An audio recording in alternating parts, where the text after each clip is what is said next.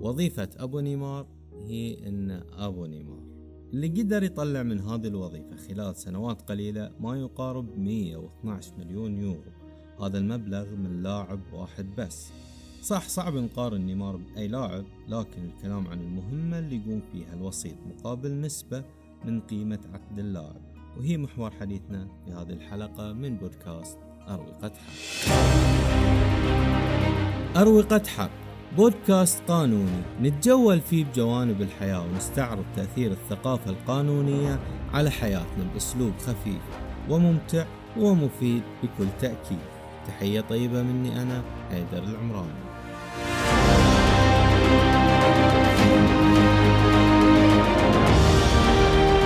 الحلقة الماضية تكلمنا عن شق مهم في رياضة كرة القدم في المملكة. والتوجه اللي تقوده القيادة السعودية هذه السنوات من تنويع مصادر الدخل يخلينا نهتم بشكل أساسي. كجهة خاصة أن نتكلم عن ما يتناسب مع توجهاتنا واختصاصنا في المساهمة لزيادة الوعي بالمجالات اللي تكون ذات موارد مالية مهمة تستحق تسليط الأضواء عليها.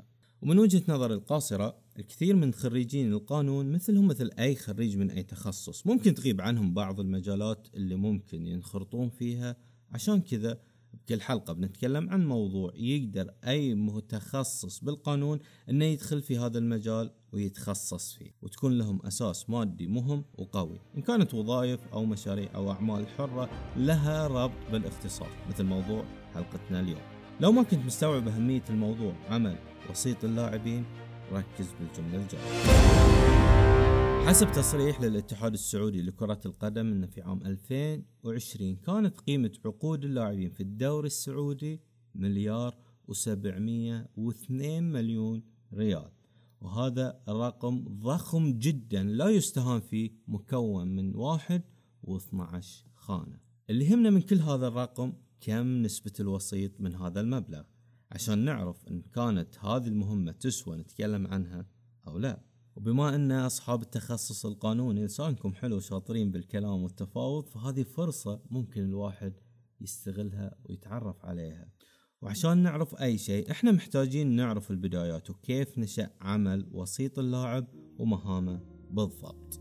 في السعودية ما ما تقدر تحدد بدايتها بالضبط ولكن هي عالميا أصلا. يعني ما كملت 30 سنة أصلا ما لها 30 سنة فكرة وكالة اللاعبين اللي هو النظام السابق. كان اللاعب يكون له وكيل وكيل يدير أموره مفاوضاته متابعة كل شؤونه لمدة لمدة آه، تصل إلى عامين كحد أقصى. الآن أصبح النظام نظام وساطة عملية وساطة. تكون مرتبط مرتبط مع اللاعب بعقد وساطة. وساطة عبارة عن انتقال أو إعارة أو تجديد عقد أو توقيع عقد احترافي طبعا. مدة العقد مرتبطة بالعملية فقط. بداية الأمر تقريبا بالتسعينات بداية التسعينات 91 92 93 يعني كانت الأمور شبه شبه مدنية أو أقرب لكونها علاقات عائلية تربط اللاعبين مع أشخاص مطلعين ما نقول قانونيين مطلعين. فيتولون شؤون تفاوض والحديث عن العقود خصوصا أن العقود في السابق كانت ترتبط ارتباط كبير بمقدم العقد. بمعنى أن إذا حصلت على مقدم العقد فتكون وصلت مرحلة مرضية. من نيل الحقوق. هذا التعليق من الأستاذ نبيل السيد مستشار قانوني في عدد من الجهات الرياضية. عشر سنوات عمل في الإدارات القانونية في الأندية ووكيل لاعبين سابق. نتعرف على نقطة التحول اللي خلت مهمة وكالة اللاعب تتحول إلى الوساطة وكيف صار للشخص القانوني أهمية في هذه المرحلة. ارتفعت العقود والأمور خصوصا بعد الألفين. تغير نظام الرعايات في دول العالم خصوصا في أوروبا وارتفاع العقود عقود اللاعبين والانتقالات يعني كانت توصل أرقام كبيرة ما بعد الألفين. أصبحت يعني آه، القضية معقدة ولما يكون العقد عبارة عن مواد لأ مواد وبنود واشتراء شروط ويعني أمور معقدة فكانت وأرقام كبيرة يعني توصل 20 25 مليون. كامل العقد طبعا مش الراتب الشهري. فكان استدعت الحاجة إلى وجود هالوكلاء وكلاء اللاعبين. وكلاء اللاعبين بالبداية كان العمل أكثر احترافية. يعني كان الوكيل يكون مع قائمة من المحامين الصحفيين وشكل مختلف في التسويق وإدارة الأمور. حتى أصبحت في خلينا نقول نهاية 2008 2007 أصبحت أشبه بالتجارة وبدأوا وكلاء اللاعبين يدخلون في عمليات آه، ملكية الطرف الثالث وفي شركات تدخل في ملكية الطرف الثالث بحيث أن الوكيل الآن الحد الأعلى في عمولته 10% من 3 إلى 10% فالوكلاء ما ما يكتفون بهالأرقام ويعتقدون أن أدوارهم اللي يقدمونها للاعب لنقله من درجة إلى درجة تستدعي رفع هذا المقابل. فكانوا يعملون بعض التحايلات بحيث إنهم يتحصلون على أرقام أكبر. مثلا يأخذ نسبة 10% من اللاعب و10% من النادي فصارت 20% ولكن ما اكتفوا صاروا يحسون إن الموضوع أقل مما يستحقونه. فوصلت إنهم يشترون من اللاعب حصة من عقده بمعنى إن مجرد ما توقع عقد فأنا أملك 30% من العقد. 30% من المقابل يكون لصالحي حتى ان في وكلاء معينين. ممكن من الأشهر خاصة بالفترات الأخيرة ريولا خورخي مينديز البرتغالي. في عمليات كانوا يذكرون انهم يحصلون إلى حد 40% على العقد من قيمة العقد خصوصا العمليات الكبيرة اللي يعني أتموها. الموضوع استمر بكونه يعني عملية تجارية أكثر من إنها احترافية وإدارة قانونية حقيقية لشؤون اللاعب ومصالحه. حتى طبعا 2014 قرر آه، فيفا إلغاء مسمى وكيل لاعبين وإلغاء العمل بوكيل لاعبين وتحويلها إلى الشكل الحالي اللي هو عمليات الوساطة. واللوائح الآن اسمها العمل مع الوسطاء وفيفا طبعا آه، رفع يده من الموضوع تماما بحيث إنه ما يصدر تراخيص أو يوافق على سياسة معينة. داخلية يعتمد من خلالها تراخيص الوكلاء والغرف غرف فض المنازعات وأوضاع اللاعبين اللي داخل فيفا ما تنظر أي قضية بين لاعب ووسيط فحولوها إلى شؤون داخلية الاتحادات المحلية هي تنظر أي أمر مثل هذا. فتقريبا فيفا كان حريص إنه ينهي الموضوع حتى ما تتوسع الأمور أكثر وأكثر. في وصف الحلقة إن شاء الله راح تشوفوا رابط لملف لائحة العمل مع الوسطاء من الاتحاد السعودي لكرة القدم. اللي حاب يطلع عليه أكثر وأي روابط ثانية مهمة متعلقة بموضوع الحلقة راح تلاقوها بالوصف. اللي كانوا مركزين قبل شوي أعتقد أنكم سمعتوا نسب الوسطاء ولكن كان الكلام عن الدوريات الأوروبية. وإحنا بطبيعة الحال مو بعيد عنهم ممكن نحسبها بعد شوي. بس الحين خلونا نتعرف أكثر على نوع العقد ومحتواه اللي راح يكون بين اللاعب والوسيط. الآن عقد التمثيل هو عقد يكون بين وسيط ولاعب يتيح من خلاله اللاعب للوسيط أن يمثل اللاعب ويتفاوض مع النادي ويتفاهم على كل التفاصيل المادية نيابة عن اللاعب. المقابل يكون نسبة متفق عليها ومذكورة بالعقد من ثلاثة إلى عشرة بالمئة بحد أعلى من الرواتب أو الدفعات فقط. الحوافز والسكن وإلى اخره هذا أمر منفصل. الصيغة اللي اللي اللي تكون بين اللاعب وبين الوسيط هو عقد تمثيل خلينا نقول شبه ثابت أو موحد. صيغة لجنة الاحتراف موجود في لائحة العمل مع الوسطاء. صيغة عقد تمثيل ويوقعون الطرفين. شروطه بسيطة جدا وعقد بسيط يعني ما في أي تعقيدات ولا في أي شروط كبيرة. طبعا الوسيط يحق له إضافة ما يراه مناسب. طالما إن فيه آه، رضا وقبول من الطرفين فما أحد يقدر يعارضه بمعنى إن الوسيط ممكن يضيف بند إن لا يحق للاعب آه، الانتقال بدون علمه أو التوقيع مع وسيط آخر أو أو إلى آخره. لما تسمع كلمة وسيط ممكن يجي في بالك إنه مجرد فرد واحد يعني ولكن في أشكال مختلفة عن ذلك وفي فرق مهم بين إنه يكون الوسيط مكتب مسجل أو لا. طبعا الاشكال الوسطاء شكلين في شركات تكون شركات مسجلة في وزارة التجارة شركات رياضية أو شركات تجارية أو حتى مؤسسات تكون بكيانها ممثلة بشخص يتولى أمور الشركة. وفي الشكل العادي اللي هو الشخص العادي شخص يكون مسجل كوسيط باسمه يعني بصفته الشخصية دون يكون مرتبط مع شركة أو جهة أو مكتب أو إلى آخره. وطبعا أنت ممكن يكون عندك مكتب تدفع ما نسبته 5% من كل عملية لصالح الاتحاد السعودي. لكن إذا ما عندك مكتب تدفع 10% 10 ب 10% من حصتك أنت كوسيط، بمعنى اللاعب لو انتقل بمليون استلم مليون اللاعب فأنت حصتك عشر مئة ألف. جميل؟ إذا أنت عندك مقر مكتب فأنت تدفع الاتحاد السعودي خمسة آلاف مقابل هالعملية. إذا ما عندك مكتب تدفع عشر آلاف. من بداية الحلقة وإحنا نتكلم عن الوسيط لكن ما تكلمنا عن مهام هذا الوسيط. خلونا نتعرف عليها على السريع ونكمل موضوعنا. هو غالبا الوسيط يكون له له دور كبير في تسهيل وتقريب وجهات النظر بين الناديين. لأن اللي بيشتري يكون حريص أن القيمة المادية تصير قليلة واللي يبيع له عقد اللاعب. فهو يقرب وجهات النظر ما يغفل حق اللاعب يكون له أدوار مهمة مهمة جدا يعني. الوسطاء غالبا تكون لهم أدوار مهمة ولكن اللاعب اللي يختار عدم الاستفادة من خدمات الوسيط هذا حقه بالأخير. بعض اللاعبين ممكن يوصل إلى تفاصيل مادية وحقوق أعلى من اللي كان بيحصلها لو كان عنده وسيط. عرفت الفكرة؟ فهي توفيق بالأخير وقدرات وحسب اللاعبين اللاعبين يختلفون كل لاعب وإمكانياته يعني. لكن غالبا غالبا اللاعبين يستعينوا خدمات وسطاء يعني يعني أنا على المستوى الشخصي ما أذكر لاعبين انتقلوا بدون أو وقعوا عقود جديدة بدون وسطاء إلا اللاعبين اللي يكون وقع مع ناديه الأصل بمعنى أن أنت مثلا عندك خمس سنوات بناديك هذا والنادي رغب إنه يجدد عقدك والمطالبة اللي في رأسك يعني أو أو الرقم اللي ببالك حققوا لك النادي فما تحتاج خدمات وسيط. بطبيعة الحال في سؤال أكيد راح يتبادر لنا هل الوسيط هو شيء إجباري على كل لاعب؟ الجواب الوسيط هو خيار وليس إجبار.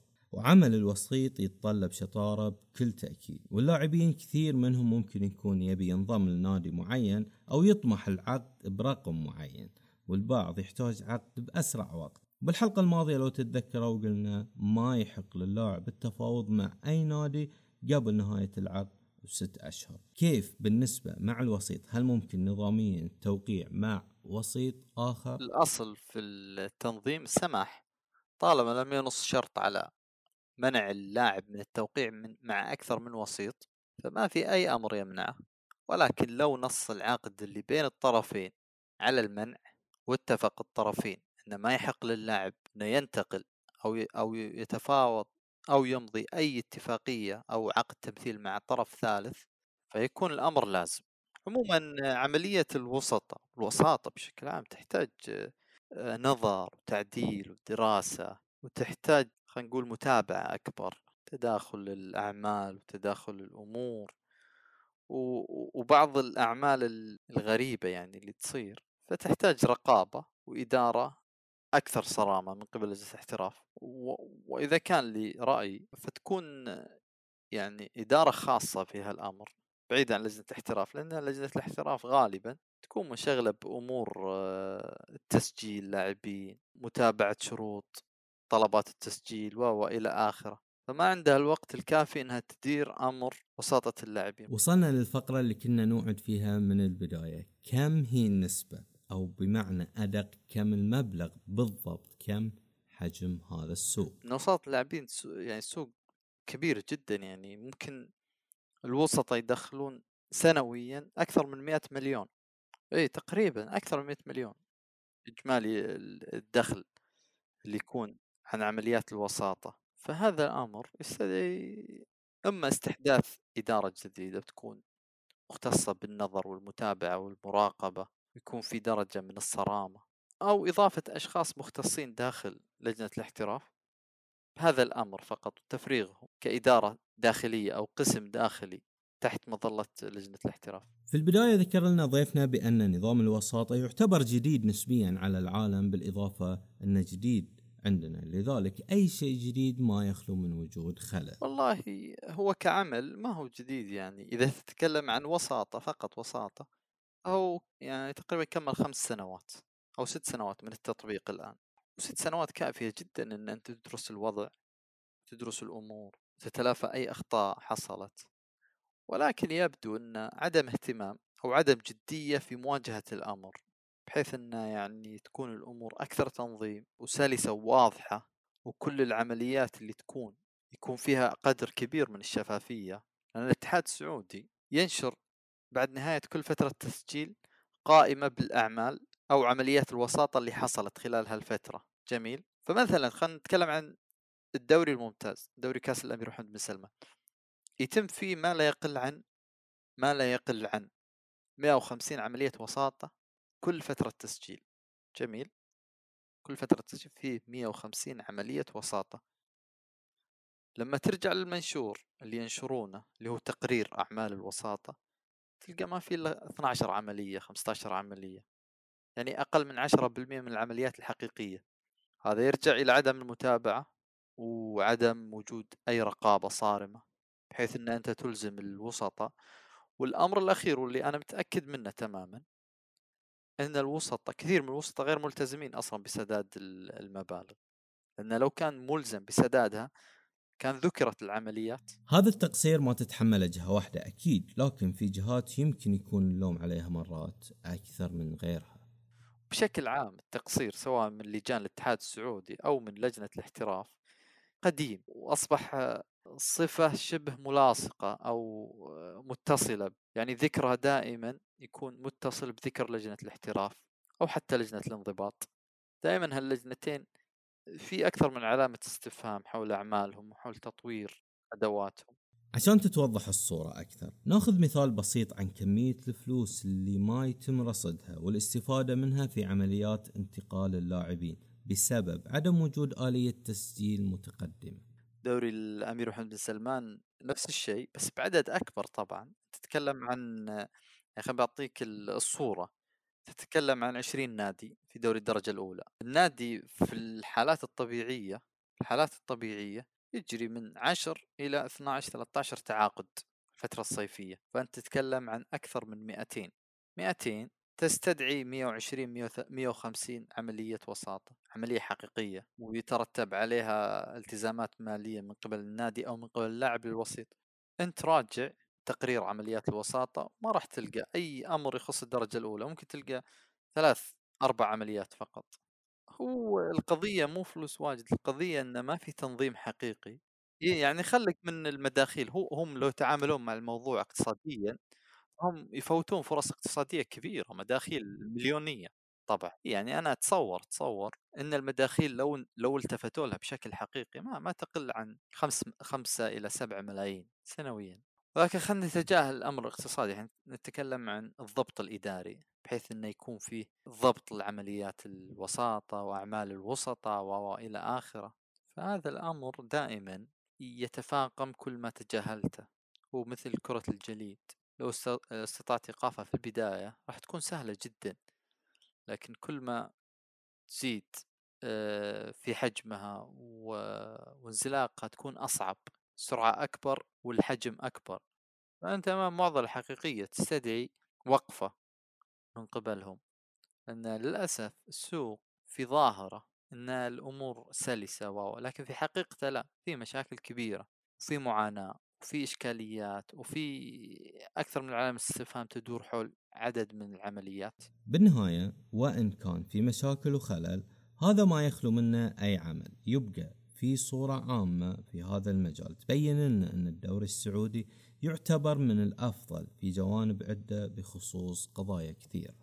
المشهد الرياضي عندنا بشكل عام بشكل خاص كرة القدم وعمليات إدارة انتقالات اللاعبين مثالية جدا. متى متى تعرف إنها مثالية؟ لما تقارنها في المنطقة سواء في الشرق الأوسط أو حتى في شرق آسيا. آلية انتقال اللاعبين والعقود وغرفة فض المنازعات. وفعاليتها الكبيرة في حفظ الحقوق. لكن إحنا دائما نطمح الأفضل إحنا لما نتكلم يعني نتمنى الأفضل ولكن ما يختلف أحد على أن إدارتنا الرياضية إدارة كرة القدم عندنا المنظومة الاحترافية هي الأفضل على مستوى المنطقة كاملة وفي الختام أتمنى أن تكون الحلقة نالت على إعجابكم. قدمنا لكم مع ضيفنا تجربة فريدة ومفيدة. قدمتها لكم أنا حيدر العمراني. ساعدني في الإعداد وجدان الحربي شكر خاص لفاب لاب الأحساء اللي تسجيل هذه الحلقة في الاستوديو التابع. ولنا لقاء في الثلاثاء.